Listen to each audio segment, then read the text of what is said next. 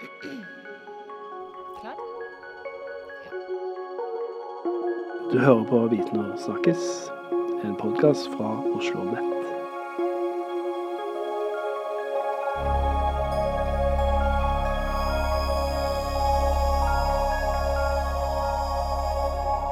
Velkommen til en ny episode av podkasten Viten og snakkes. Jeg heter Jeff Lugau og er en av programvertene for podden. Med meg i studio i dag så har jeg en gjest, og det er Yuri Kasahara. Hei, Yuri. Hei, hei, Jeff. Velkommen til oss. Tusen takk. Du er eh, forsker ved NIBR, by- og regionsforskningsinstituttet ved Oslo OsloMet. Du og jeg skal snakke om et ganske tidsaktuelt tema i dag, og det er eh, valget i Brasil. Eh, du forsker på brasilianske forhold og er statsviter opprinnelig. Jeg forsker på Brasil, eh, og ikke minst er fra Brasil selv. Jeg tenkte før vi snakker om uh, valgkampen som har vært i Brasil, uh, og valgkampen som nå fortsetter i, i ca. to uker til, at vi kunne høre litt om uh, hvilke ting og hvilke spørsmål du har forsket på. Ja, nei, som sagt, jeg har jobbet mye med forskjellige temaer relatert til Brasil. særlig hvordan var implementering av politikk på forskjellige felter, som næringspolitikk, sosialpolitikk. Men i det siste jeg hadde et uh, forskningsprosjekt om uh, å forstå hvordan uh, tiltak mot tørke i nordøst av Brasil påvirker politisk og økonomisk indikator, og f.eks. også valgatferd på sånn lokalnivå. Hva, hva er valgatferd? For å oppsummere valgatferd er hvordan folk stemmer uh, til uh, hvilken parti eller hvilken person. Den prosjektet er en, uh, et viktig spørsmål vi var interessert i. F.eks. var uh, til hvilken grad folk uh, stemmer uh, for partier eller for uh, personer. Og særlig fra bestemt lokal familier, altså politiske familier, som er, uh, som er veldig viktig på sånn lokal nivå. Og hva fant dere ut? Ja, den er uh, for eksempel dis, eh, mange av disse programmer. Eh, en, et, eh, et, et funn var at uh, mange administratorer av, program, av de programmene som er mot uh, tørke, blir kandidat selv. Så særlig for uh, lokale kommuner, uh, små kommuner. Også at de fleste de har mye mer legger mye, vekt, mye mer vekt på familienavn enn partiet. Så det, det er folket de forholder seg til familier, lokale familier som er viktig politisk, enn partiet. Så det er litt sånn hvordan folk ser politisk identitet sitt. Det er veldig spennende. Grunnen til at vi uh, avtalte denne podkasten i dag, det er at uh, vi er midt i en ganske spennende valgkamp. Og sikkert for deg også litt sånn, litt, nesten litt for spennende valgkamp. Uh, det er to uker til andre runden i presidentvalget. Eh, men det har allerede vært den første runde. Eh, hva, hva har man stemt på? Hvem har man stemt på, og hva har det vært valg til nå i denne første valgrunden? Ja, for de som ikke følger eh, brasiliansk politikk, så det var, det var en supervalg hvor brasilianerne måtte velge fem forskjellige kandidater. De viktigste var president, men også Uh, til uh, lavkammer, Uh, Chamber of sånn deputies, Uh, også senat, guvernør og uh, delstat uh, Stortinget, eller sånn. Uh, så det var fem kandidater, egentlig. Og de De viktigste, viktigste presidentvalg det ble ikke avgjort ennå. Så det var de to hovedkandidater. Uh, uh, tidligere president uh, Luiz Inácio Lula da Silva og sittende president Jair Bolsonaro. De skal til en sånn andre omgang nå, hvor uh, Eh, en av dem må vinne uh, flest, flertall av stemmer. Nå skjønner jeg hvorfor du, du omtaler det som et supervalg. Det var valg til veldig mange nivåer og veldig mange uh, verv. Uh, det ville nesten, hvis jeg forsto riktig, vært som om Norge hadde valg til både Stortinget uh, og fylkestinget og kommunene samtidig, pluss at vi hadde presidentvalg, noe vi ikke har i Norge. Har jeg forstått det riktig? Ikke, ja, det er riktig. Det er, og det er veldig forvirrende for mange brasilianere også. Og ofte det er, det er et problem, fordi ofte det er presidentvalg som dominerer hele periode, kampanjeperiode. Og, og, egentlig uh, det er mange brasilianere som bestemmer f.eks. senat eller guvernør i det siste minutt. Eh, kan du si noen ord om hvordan det politiske systemet er strukturert i Brasil? Altså, Dere har presidentembet, dere har også en kongress, og dere har også en eh, Det høres ut som uh, en viss grad av føderalisme, hvor, man, uh, hvor, hvor, de delstatene har en viss makt også. Kan du forklare litt uh, maktfordelingen i Brasil, hvordan det ser ut? Ja, nei, som du, du sier, Brasil er en federasjon. Men det er litt forskjellig enn f.eks. For den klassiske eksempelet som er i USA hvor delstater uh, Vi har uh, guvernør uh, som delstat Stortinget. Men de har litt mindre makt enn USA, så det er litt mer sentralisert. Mm. men i, det, i det, det, valget der i Brasil jeg tror det var veldig viktig, fordi vi vet resultatet av Kongressen allerede. Og det var en viktig endring som ble på en måte konsolidert i, i det valget nå. Fordi i 2018, når president Bolsonaro var valgt, eh, mange trodde at uh, det, var, det, ble overrasket, inkludert meg. men, de, og, men, mange trodde at han var litt som Hvordan man sier det på norsk? Outlier. Mm. At skulle det, Fordi han er ikke en klassisk representant av uh, senter-høyre, moderat høyre. Og han representerer et uh, nyetablert parti, gjør han ikke det? Eller kommer han fra et etablert parti? Nei, han selv har vært politiker for flere år, for 28 år. Han var uh, en del av uh, brasiliansk uh, nasjonalvalg uh, for 28 år. Men han, han, ble i det siste minutt i forrige valget en del av en ganske lite parti. Mm. Og da egentlig Han så ble så populært at han klarte å, å, å ble valgt sammen med flere uh, uh, representanter i kongressen, i brasiliansk kongress. Men uh, det, de viktigste nå er at egentlig hvis du ser kongressresultat, det har ikke vært så mye endring i andel uh, f.eks. høyre og venstre her. De er omtrent det samme.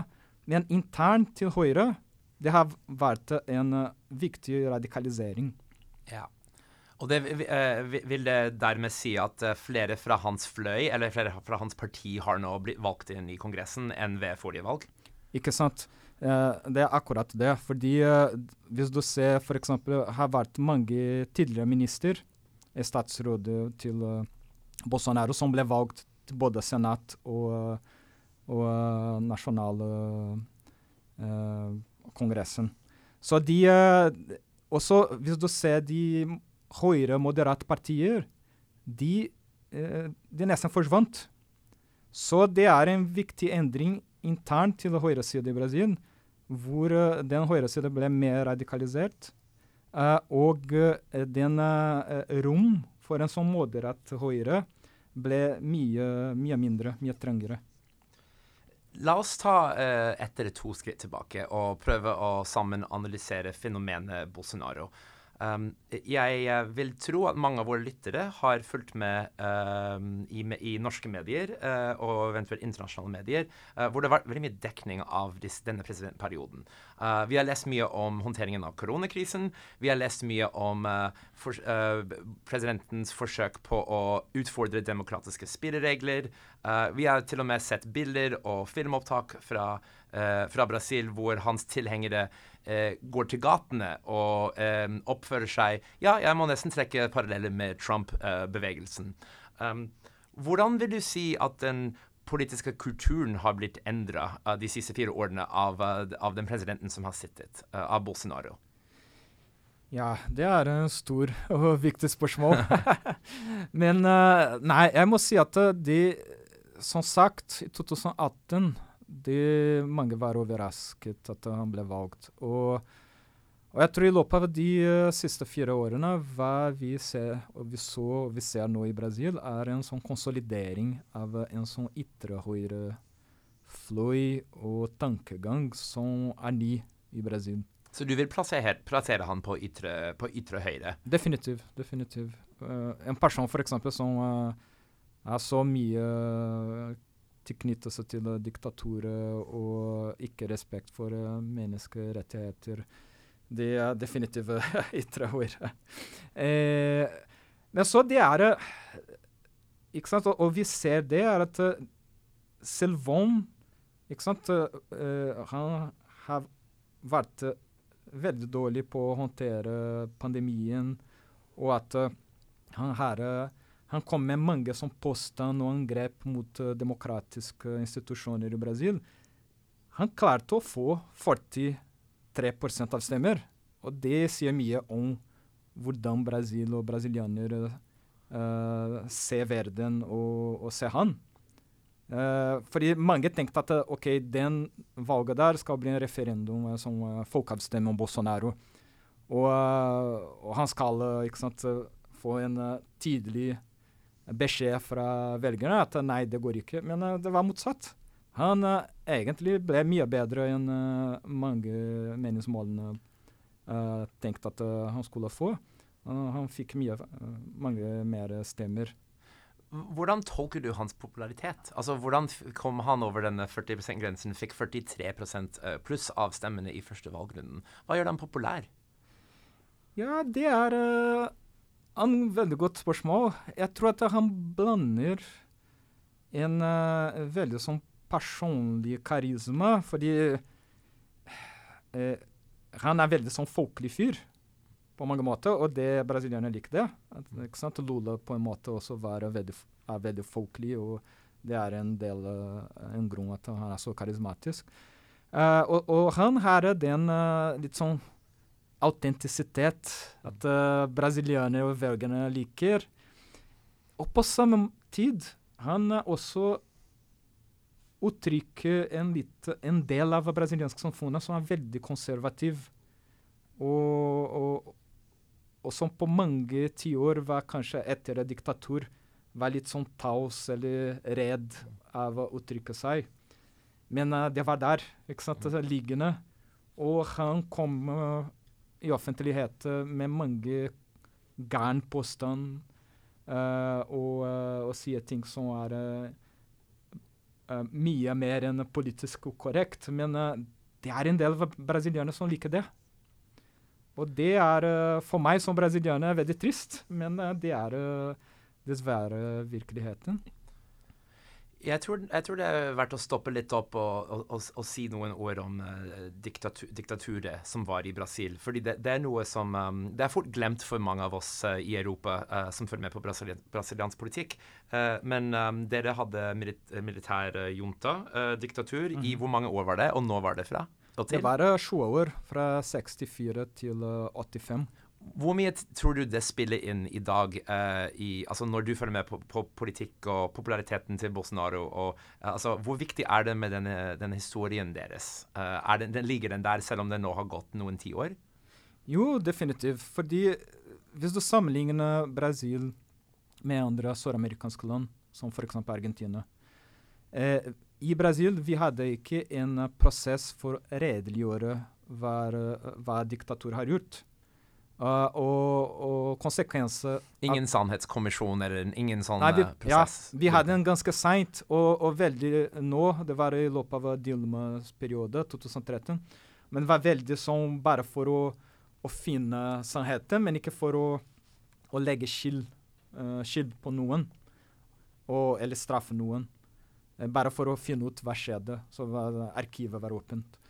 Men, uh, men det, har en sånn direkte konsekvens nå, fordi ikke sant, Bolsonaro han, uh, han, uh, han reflekterer alle de verdier mot demokrati og for diktatur som ble liggende i brasilianske samfunnet. Fordi alle, mange av de gamle generaler som støttet han, de var en del av diktaturperioden. Så de og de ble Det er fremdeles i viktig rolle eller, som i, i brasiliansk samfunnet. Så de uh, definitivt har en som Vi ser i dag en effekt eh, som konsekvens av ikke ha redeliggjort diktaturperiode akkurat når demokratiet begynte på nytt. La oss gå over på motkandidaten til uh, Bolsonaro, uh, den andre som gikk videre til andre valgrunden. Uh, det er Lula, og du må, for, du må, si hele navnet hans for oss. Lula ja, Luiz Inacio Lula da Silva. Han har veldig mange navn. Ja. Lula kjenner vi som tidligere pre president, som satt i to perioder. ja, fra 2002 til 2010. og så senest kjenner vi Lula som en som ble feng faktisk fengsla, og satt i fengsel i to-tre år. Ja, nesten to år. Det var det. Mm. Og nå er han kandidaten for um, det største partiet på sentrum-venstre-siden i brasiliansk politikk, uh, Arbeidernes parti, uh, som heter på portugisisk uh, Partido dos Trabalhadores. Uh, hvis vi skal se på de to kandidatene som gikk videre til andre og siste runden, hvem utgjør deres velgerbaser? hvem, hvem, hvem i, i, grove trekk stemmer på og støtter Lula, og hvem stemmer på og støtter Bolsonaro? Ja, hvis du ser på de, uh, de hovedskillelinjene uh, som velgerne av disse to, uh, Bolsonaro har en tydelig fordel blant de rikere og høyreutdannet. Uh, også i, i sånn pinseevne evangelikale befolkning. Mens Lula har en, en stor fordel blant de fattigere, eh, også katolsk. Eh, og også eh, blant kvinner. Eh, det er mer menn som stemmer til Bolsonaro enn uh, kvinner. Du sa litt tidligere i, i samtalen vår at um, mange, kanskje du inkludert, trodde at dette valget skulle, skulle bli en avstemning mot uh, Eller få president Bolsonaro. Mm er det sånn valgkampen har blitt, eller har valgkampen, presidentvalgkampen da handlet om saker i tillegg? Ja, jeg må si at som brasilianer Jeg tror jeg har ikke opplevd en så dårlig valgkampanje. Det har vært i praksis null tema som politikk debatt, diskusjon. Alt handlet i de tre måneder omtrent som var uh, valgperiode, om uh, hvem er uh, mer eller mindre korrupt. Mm. Ikke sant? Fordi, som du, du, nevnte, tidligere president Lula var uh, i fengsel fordi han var dømt for uh, sånn korrupsjonssak. Uh, men han ble, den sak ble annullert fordi den dommer som behandlet uh, saken hans, uh, samarbeid som med statsadvokaten, så det, det ble annullert av uh, Høyesterett. Uh, så mange sier at det var en sånn technicality som, som gjør at Lula er kandidat i dag. Men da det var hele tiden i valgperiode Bolsonaro støtter som peker på det. Men også uh, fra Lula-siden Det var en veldig lavt nivå av uh, Eller nesten ingen, ingen, substans om debatten. Fordi uh, hele som kampanjen hans var også å referere til hans tidligere periode. Mm. Altså, jeg har allerede visst at jeg kan jeg kan bli en god president, og jeg kan politikk, og jeg kan utvikle landet. Men uh, veldig litt konkret om OK, hva er planer for uh, framtiden. Mm. Så det var uh, eh, På mange måter det var, veldig, det var en kampanjeperiode uten egentlig substans. Mm. Uh, det, hvor godt likt er disse to hovedkandidatene av uh, velgere flest? Er det, altså, det høres ut som Bolsonaro skaper engasjement blant noen av sine velgere. Uh, gjelder det samme for Lola? Uh, og hvordan ser folk, altså velgere flest på de to kandidatene? Det er definitivt Bolsonaro har uh, litt sånn bedre momentum nå. Uh, og særlig nå på andre, uh, andre omgang. Han, han, er veldig flink, og har vært også veldig flink for å bruke sosiale medier for å skape sånn engasjement og mobilisere folk. Så det var uh, f.eks. I uh, forrige valget eh, for å feire uavhengighetsdag i Brasil, som er 7.9. Han klarte å få flere tusen folk uh, på gata i de største byer uh, i Brasil. Så definitivt han, uh, han klarte å få mobilisert en, en viktig andel av sine velgerne. Mens Lula han er litt sånn Velgerne til Lula har vært min, mye mindre aktiv på gata. og, og det er egentlig mange av de folk som stemmer for Lula, det er ikke nødvendigvis at de elsker Lula, men at de hater Bolsonaro. Det er uh, også en, uh, en viktig ting å, å, vurdere når du ser det engasjement blant velgerne. Vi går snart inn for landing, men jeg har et par spørsmål til jeg tenkte å stille deg.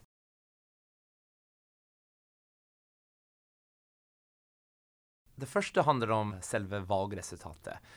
Hvor reell tror du trusselen er for at en av kandidatene ikke respekterer utfallet av valget? Det er noe, altså, jeg har lest at Bolsonaro har egentlig ikke lagt skjul på at han, at, at han, er usikker på om valgsystemet er til å stole på. kan du si litt mer om det, og er det noe vi kan frykte fra begge kandidatene, eller er det mest et Bolsonaro-problem? Ja, eh, de som ikke vet uh, og har ikke fått med eh, brasiliansk uh, kampanje, valgperiode, så president Bolsonaro har hele tiden lagt, eh, skapt mistro mot uh, valgsystemet i Brasil. Og mange, inkludert meg, var veldig spent for å, å se hvordan han skulle reagere hvis han uh, taper. og han og, og, nå han oppfører seg ganske bra i forhold til det. Fordi uh, han fikk mye bedre resultat enn meningsmålene spådde. Så de uh, egentlig hvem får mer sånn, press og kritikk akkurat nå, er uh, instituttene som gjør uh, meningsmålene. Mm. Inkludert det er en sånn gæren uh, lovforslag nå i Kongressen for å kriminalisere meningsmålene som, som er mer enn 5 feil av de valgresultatene, som er helt crazy. Uh, men så det er veldig, fremdeles veldig mye spenning om uh, han taper andre omgang, hvordan han skal oppføre seg. jeg tror at det skal bli litt mindre sannsynlig at han skal prøve å gjøre noe som Trump, men det er ikke utelukket. Uh, fordi han fikk så bra uh, resultat i Kongressen. Mange av hans uh, støttespillere ble valgt. Og da Det blir litt vanskelig å, sant, å, si at det var en valgfusk, siden mange av hans uh, støttespillere vant som en plass i Kongressen. Mm. Helt til slutt Uh, så lurer jeg på om du, Juri, har lyst til å spå et valgresultat for oss. Hvem tror du vinner valget om, uh, altså den 30. oktober?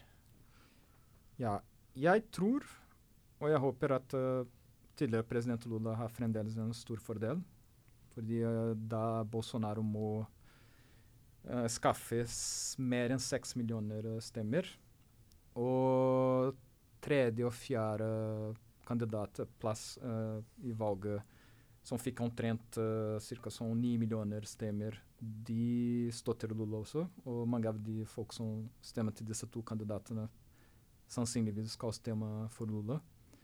Men uh, det er ikke gitt at uh, han skal vinne, fordi akkurat nå i meningsmålene Bolsonaro får en litt sånn momentum. Men som brasilianer jeg, jeg håper trolig at Lula vinner, fordi eh, med Kongressen som ble valgt nå, hvis eh, Bolsonaro eh, vinner en andre mandat, han skal ha en uh, flertall for å endre grunnloven. Og det er veldig bekymringsfullt uh, for meg. Fordi da han kan endre Ikke bare gjennomføre mange av de polit politikk som jeg er ikke enig med, men også endre eh, Høyesterett, f.eks., for fordi han har allerede nå i andre i denne eh, etter første eh, omgang sa at han skal eh, Og han ville eh, endre Høyesterett på en måte øke antall uh, dommer. Så han har mer uh, mulighet for å, å ha en flertall i Høyesterett, som per i dag er det største motstand uh, mot han og hans politikk. Eh, så det er det er veldig bekymringsfullt, fordi uh, han fikk både flertall i, uh, i Kongressen, Senat, så han kan uh, gjøre mye viktige endringer i uh, brasilianske institusjoner hvis han vinner igjen. Jori Kasahara, tusen takk for en spennende og innholdsrik samtale. Uh, lykke til med et kjempeviktig valg om to ukers tid i Latin-Amerikas uh, desidert største land. Og takk for at du var med i studio i dag. Tusen takk. Og takk til deg som hørte på. Eh, håper du også har lært eh, en god del om brasiliansk politikk i dag. Eh, takk for at du hørte på. Vi hørs.